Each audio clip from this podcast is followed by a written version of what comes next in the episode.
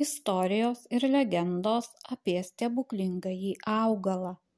Per amžius alaviją garbino daug civilizacijų ir kultūrų ir jis įgijo dieviškojo augalo vardą.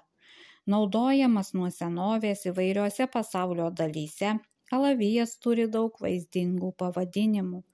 Afrikiečiai jį vadino dykumos lelija indijos gyventojai dangaus lazdelė egiptiečiai nemirtingumo augalu seniausia kinų farmakopėja Pencao liūdija, kad kinų gydytojai alaviją vertino kaip priemonę nudegimams ir odos pažeidimams gydyti. Vieni pirmųjų alavijų panaudojimo gydimui pėdsakų buvo atrasti šumerų molinėse lentelėse, surašyti dantiraščiu 2100 metų prieš Kristų.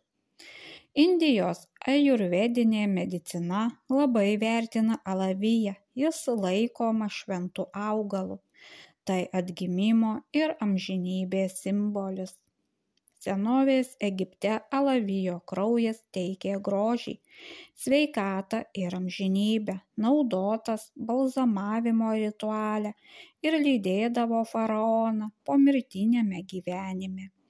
Kai alavijas pražysdavo tai reiškė kad faraonas pasiekė kitą krantą. Anot egipto legendos kleopatros akys ir veidas dėl savo legendinio spindesio dėkingi alavijo lašams. Šeši šimtai metų prieš kristų arabai vieni pirmųjų išmoko atskirti želė nuo sulčių. Plikomis kojomis jie trynė alavijo lapus ir gautą masę dėjo į oškenų maišus.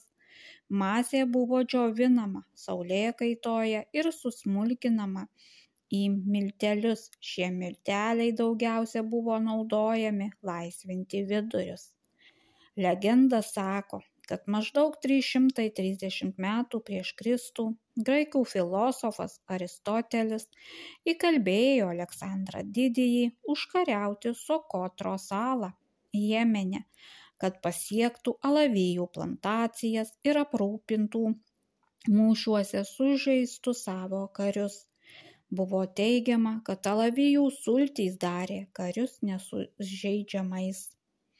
Senovės graikai maišė alaviją su medumi ir rožių esencija, kad užmaskuotų kartumą. Kryžiaus žygių metu Jeruzalės eleksyras sudarytas iš palmių vyno, alavijos želės ir kanapių buvo populiarus tamplierių gėrimas jam priskiriama tamplierių ilgamžiškumo paslaptis. Anot kristupo kolumbo keturi augalai yra būtini žmogaus gyvenimui kviečiai vynuogės alyvuogės ir alavijas. Beje būtent japonai daugiausia forever kompanijos alavijos sulčių ir sunaudoja. Jie geria tenai jau litrais jie visiškai neskaičiuoja kiek jo išgeria per dieną. Nors e, instrukcijoje yra rašoma ant pakelio kad trisdešimt šešiasdešimt mililitrų į dieną. Tačiau kaip suprantame galbūt tai ir slypi tame japonų ilgaamžiškumas